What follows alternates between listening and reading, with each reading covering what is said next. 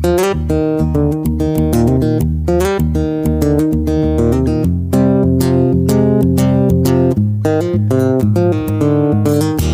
is De Oversteek, een podcastserie over ondernemen in de Verenigde Staten.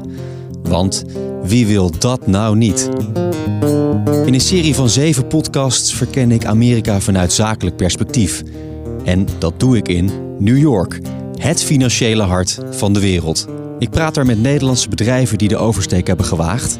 En met experts die alles weten over creditcards, hoe het is om de baas te zijn, culturele verschillen, belastingen, you name it. Deze aflevering gaat over sales.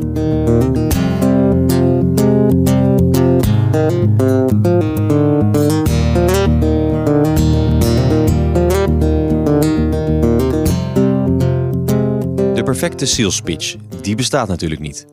Maar Amerikanen komen vaak wel in de buurt. While I was down there, I was talking to a guy in a fraternity. He's trying to get me to join a fraternity. I was like, I don't think it's for me. He's like, what are you going to do if you come back here in 20 years, need a place to stay? En dat is niet zo heel gek, want al op jonge leeftijd leren ze hoe ze moeten presenteren. Hoe ze zichzelf moeten verkopen. Ga daar als Nederlander maar aan staan. Jacob Willemsen van TAPS ging er aan staan en kent inmiddels de regels. Je moet in de VS over het algemeen vooral niet je zwaktes toegeven of überhaupt noemen. Terwijl dat in Nederland misschien een virtue is. Uh, en dat je daarmee een soort uh, validatie of een, een, betrouwbaarheid creëert. Uh, dat is in de VS helemaal niet gebruikelijk. Ehm, je vertelt vooral over je sterktes. De biggest, the first, the richest. Ehm, dat geeft helemaal niet in de VS. Dat mag. Als Nederlandse sales heb je daar over het algemeen uh, um, best moeite mee. Uh, je ziet dan ook vaak dat Nederlandse bedrijven uh, voor het algemeen management Nederlanders gebruiken, maar voor de sales jobs echt gewoon lokale Amerikanen gebruiken. en dat is niet voor niks. Nou, dan zijn we snel klaar met deze laatste aflevering van De Oversteek. Wil je niks missen?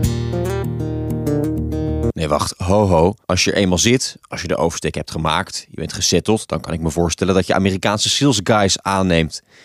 Maar in het begin moet je toch echt zelf de sales doen. Tenzij je een Amerikaan vindt die je volledig vertrouwt. Maar kijk daarmee uit, zegt Jan Joosten van Baker McKenzie. Wat ik toch veel heb gezien is dat cliënten bij mij heel enthousiast aankomen. Dat ze Bob hebben gevonden en dat Bob voor hen de zaken in Amerika allemaal gaat, gaat leiden. Nou, dan mijn eerste vraag is altijd: waar heb je Bob ontmoet? Nou, als dat op een beurs is, dan uh, denk ik al: oh oh. Uh, want hoe kan het dat uh, deze succesvolle man tijd heeft om op deze beurs rond te lopen en dat hij voor dit Nederlandse bedrijf wil gaan werken? Um, en helaas zie ik dus vaak een soort cyclus dat zo iemand dan wordt aangenomen. Als je niet oppast, onderhandelt hij het heel goed voor zichzelf. Uh, namelijk uh, een Amerikaans salaris en een Amerikaanse bonus. Maar wel de Nederlandse secundaire arbeidsvoorwaarden. Dus dat wordt dan een hele dure werknemer. Um, en ik vraag dan ook altijd aan uh, cliënten van... Goh, kan die toevallig heel goed presenteren, deze, deze Bob? Ja, ja, hij kan fantastisch presenteren. Beter dan onze beste verkoper in Nederland. Nou, dat, dat is fijn. Uh, maar alle Amerikanen kunnen dat zo'n beetje. Omdat uh, als je in Amerika naar school gaat... en mijn driejarige dochter gaat hier naar de peuterschool... die moet al show en tell doen. Die moet na het weekend iets meebrengen. Uh, en dan moet ze een appel meebrengen. En dan moet ze uitleggen dat ze met haar vader en moeder appels is gaan plukken. En hoe dat dan allemaal wel niet was. Dus tegen de tijd dat de Amerikanen hun uh, lagere school, middelbare school en universiteit achter de rug hebben, hebben ze eindeloos veel presentaties gegeven. Dus dat kunnen ze steengoed zijn ze daarin. Betekent dat dat ze ook hele goede verkopers zijn? Dat is nog maar de vraag.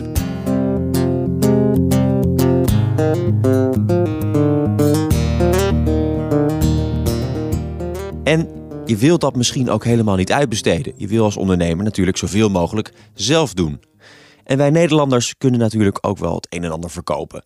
We hebben gewoon onze eigen stijl.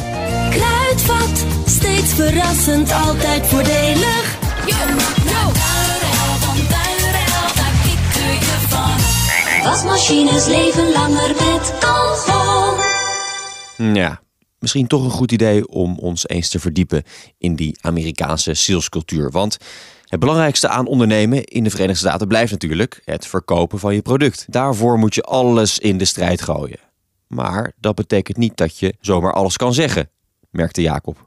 Nou, ik zal je mijn grootste fout vertellen. En dat was dat ik dacht dat ik uh, over politiek kon praten met, uh, met de gasten uh, die ik had uitgenodigd voor een etentje. en zo vertelde ik ze ook op zijn Nederlands. vrij provocerend dat ik vond dat uh, dat de Amerikanen eigenlijk verloren hadden toen ze de US Patriot Act uh, er, door de, er doorheen hadden geramd. Uh, puur omdat ze daarmee hun eigen vrijheden hadden opgegeven. Nou, die dineetje was in 10 minuten afgelopen en dat heb ik snel geleerd. Ja. praat nooit over politiek. Want wat in Nederland vanzelfsprekend is, is in de VS helemaal niet zo vanzelfsprekend. en vooral de laatste twee jaar zijn er natuurlijk in Nederland uitgesproken meningen gevormd over, over de administratie hier. En of je het er nou mee eens bent of niet, dat, dat moet je vooral in Nederland gaan verkondigen. Maar doe dat niet bij je Amerikaanse leads of, of potentiële klanten. want je weet nooit wie je aan de andere kant hebt staan. En het is ook niet relevant. Waar je in Nederland een meerpartijensysteem hebt en je dus niet helemaal eens hoeft te zijn. En het is hier vrij zwart-wit. En uh, jammer genoeg betekent het als je hier uh, het niet eens bent met de administratie, dat je het automatisch oneens bent. en dat is een groot verschil. Dus ga dat gewoon uit de weg. Tot zover de don'ts, maar wat zijn de do's? Laten we beginnen met netwerken. In de VS is netwerken ook veel meer geaccepteerd. Uh, op evenementen, maar ook op trade shows. Omdat het land zo groot is, zie je dat trade shows echt nog een rol hebben. Uh, want je kon met de hele industrie bij elkaar in San Antonio of in Las, Vegas of Atlanta. Uh, daar wordt ook, ja, daar wordt ook serieus business gedaan. dat heb ik het idee, is in Europa um, veel minder het geval, omdat je van nature dichter, dichter bij elkaar zit en in twee uur ga je naar je klant toe. Uh, dus het zijn veel meer echte salesmomenten die de Amerikanen dan uh, voor zichzelf creëren. En daar maken ze ook gebruik van. Ja, netwerk is dus belangrijk. Uh, is het ook echt zo dat je je potentiële klant mee uit moet nemen naar een goed restaurant of af en toe met hem of haar moet golven? Is het werkelijk zo gesteld? Mijn ervaring is dat dat enorm van de industrie afhangt. Ik heb een tijd lang zelf in de logistiek gewerkt. En ja, daar was het echt zo. Daar ging je met elkaar uh, op golfoutings. En, en uh, van de andere kant zijn er ook uh, sectoren waar het helemaal niet zo gebruikelijk is. Over het algemeen is het wel een stuk meer geaccepteerd, denk ik, om te winen en dinen in de VS dan in, dan in Nederland. Dat wel. Is het ook belangrijk om een Nederlands netwerkje op te bouwen in de Verenigde Staten? Dus dat je veel contact zoekt met andere Nederlandse bedrijven die je eventueel ook weer aan klanten kunnen helpen? Zal enorm afhangen van de industrie waar je in zit. Um, we hebben veel fintech bedrijven in ons klantenbestand zitten. En ja, die kunnen elkaar, als ze elkaar niet uh, beconcurreren uh, in de markt, dan zie je dat die elkaar inderdaad kunnen helpen, omdat ze bij de grote bedrijven bij dezelfde managers binnenkomen of bij dezelfde inkopers. dus uh, daar zie je dat Nederlandse bedrijven elkaar echt uh, wel de bal kunnen toespelen. Ja, over het algemeen zal uh, de Nederlander puur je ambassadeur zijn en moet je toch zelf het werk nog doen. maar ja, dat zal in, in, in ieder land zijn. En soms is het een kwestie van mazzel zegt Rob Jacobs van het bedrijf Pictorai. Smithsonian, uh, de herbariumwereld is, is een, uh, in een herbariumland uh, ja, een kleine wereld, ondanks dat er natuurlijk veel spelers zijn en het is een specialistenvak. We hebben in Nederland voor Naturalis een herbariumproject gedaan. En Naturalis heeft daar vanzelfsprekend over getweet. Dat, dat gebeurde toen de tijd ook al.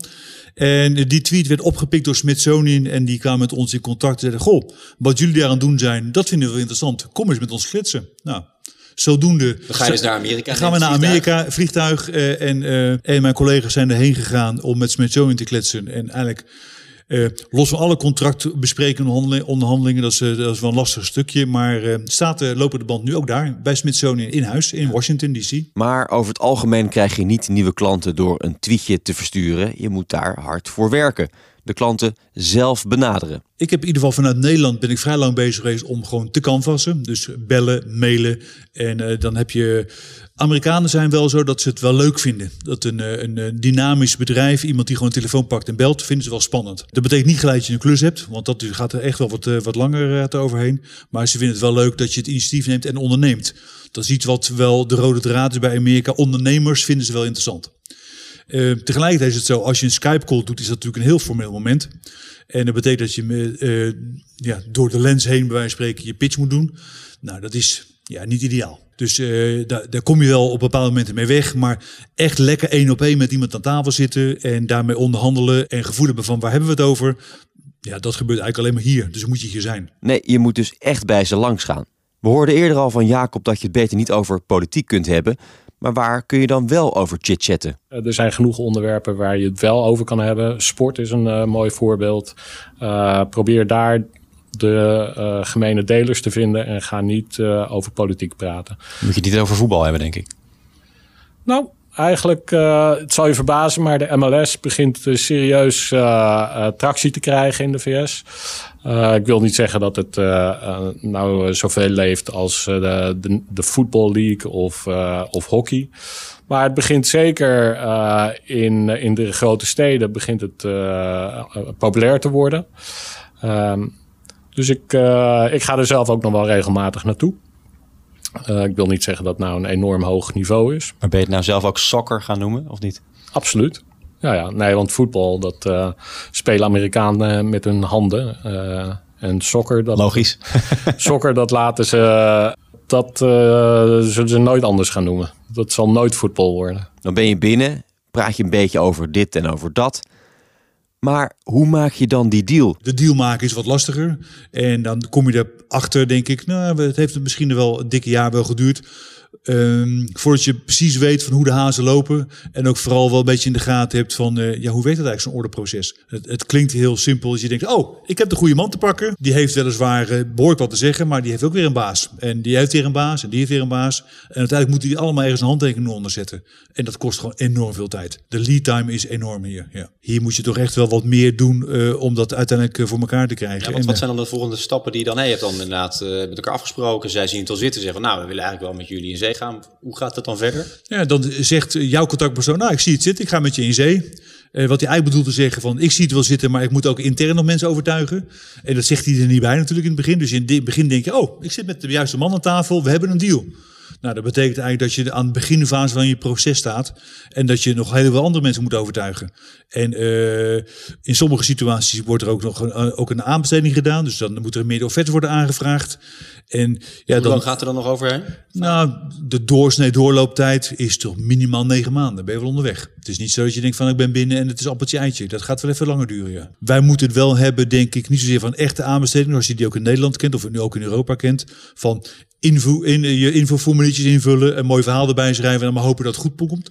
En uh, wij moeten het hier echt hebben van aan tafel zitten. Gewoon overtuigen. Nog een keer langs, nog een keer langs, nog een keer langs. Elke keer dat je langs gaat, kom je steeds dichter bij die cel. En als je de Amerikaanse salesgurus mag geloven, verkoop je niet je product, maar een idee. And I can tell you that not one of you sells life insurance. You give people peace of mind, a secure retirement, a legacy. They can leave their families. Please go out and tell your story. Astonish people. Inspire people. En we kennen die Amerikaanse salescultuur natuurlijk uit de Amerikaanse films.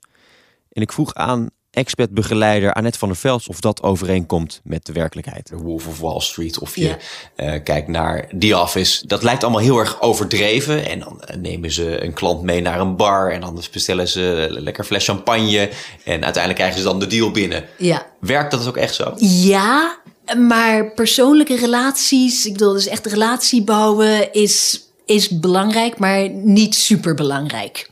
Nee, als je iets wil verkopen, dan moet je een idee verkopen, een droom verkopen. Dus als jij een product wil verkopen, dan moet je het product aanprijzen. Je moet, ten eerste moet het allemaal kort en bondig zijn. Duitsers, maar ook Nederlanders, die komen heel vaak met allemaal onderzoeken, dit en dat. Nee, je moet kort en bondig zijn, to the point. Je moet altijd beginnen met een introductie van... Ik zag dat mijn buurvrouw zus en zo, maar toen kocht mijn buurvrouw dit product en toen zag ik hoe haar leven veranderde. Ja. Ze was blijer, ze was rijker, ze was gelukkiger. En dat geeft je dus een mooie ingang om dat product te verkopen. Je moet dus met een praktisch voorbeeld komen. Je moet vooral niet komen met, uh, met allerlei onderzoeken en zo. Je kan wel zeggen, je wordt van dit product word je 10% rijker. Maar het is meer van, what's in it for me? Hoe profiteer ik daarvan op de korte termijn? Je gaat dan als salespersoon uh, tegenwoordig eh, verkopen natuurlijk veel via internet of via de Ja. telefoon. Maar het zal ook nog wel eens voorkomen echt voor de grote deals dat je, dat je langs gaat bij Amerikanen. Absoluut. En dat je een presentatie moet geven. Hoe doe je dat? De presentatie moet flitsend zijn. Dus je slides moeten echt perfect zijn met, met, met kleuren. En Amerikanen kijken heel veel naar hoe je dingen presenteert. Dus je moet echt een vlotte babbel hebben met lekkere PowerPoint slides. En het moet allemaal vlot gaan en flashy zijn. En heel veel eromheen. Als jij dus een mooi pak aan hebt, je hebt een lekkere babbel, je nagels zijn mooi, je haar is goed. Daar kijken mensen naar. Die zullen niet er doorheen prikken. Dit was de zevende en laatste aflevering van De Oversteek. Een podcastserie over zaken doen in Amerika. Mijn naam is Koos Tervoren. Bedankt voor het luisteren.